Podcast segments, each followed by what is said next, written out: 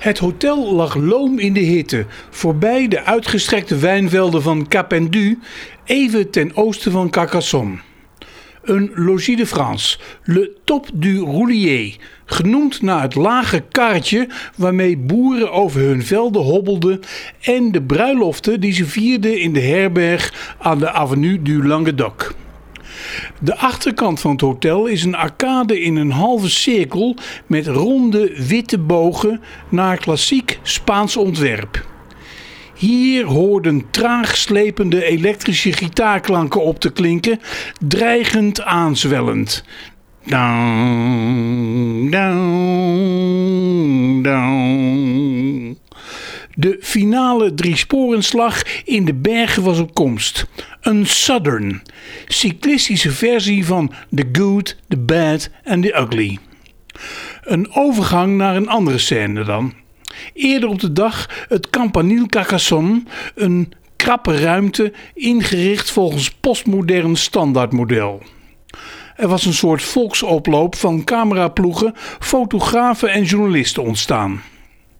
Ze waren op het bijzondere tweetal afgekomen, verbonden onder één naam, Sky, maar de hemel wist of ze werkelijk wapenbroeders waren of dat ze elkaar zouden aftroeven in de strijd om de hoogste buit en wie dan de slechterik was en wie de lelijkert. De ene, Jaron Thomas, ontkende dat er stalorders waren en wilde ook niet weten dat hij in zijn gele uitdossing als afleider diende voor de ander, Chris Froome, de man die al langer het onderwerp van lynchverhalen was. Froome straalde kracht en vastbeslotenheid uit. Hij zei dat hij het mogelijk woensdag ging proberen in de ultieme korte rit waar ze de mooie jongen zouden testen. Het moest een dynamische strijd worden.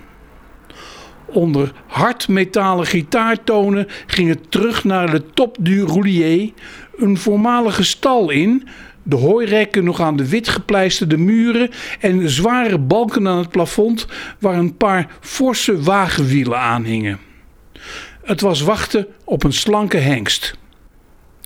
De mooie jongen trad traag binnen en nam plaats aan een tafel met een bos microfoons voor zich, klaar om het spervuur van vragen kalm en gedecideerd te beantwoorden.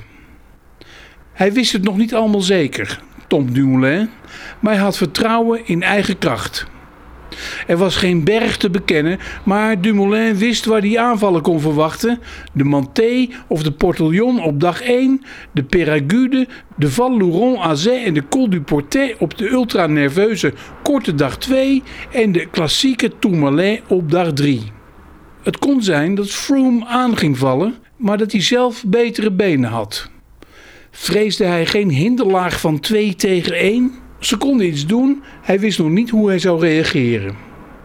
Die twee vertonen zich nu nog maar als schaduwen op de weg, fel belicht door de zon boven het dak van bergen. Zo cool zat hij daar, zo makkelijk sprak hij, in goed Engels, als in zen, or the art of bicycle maintenance. Verborg hij niet een grote spanning achter een façade van kalmte? Oh, zeker. Natuurlijk ben ik nerveus, zei hij eerlijk. Ik zit het niet speciaal te verstoppen. Het wordt een nerveuze strijd. Het is hopen dat ik ermee om kan gaan. Ze hadden alle drie tekst genoeg, daags voor de strijd. Hapklare quotes voor op het filmaffiche van de Pyreneeën. Intrigerender was wat ze niet zeiden over de pistolen en dolken die ze voor elkaar verstopt hielden.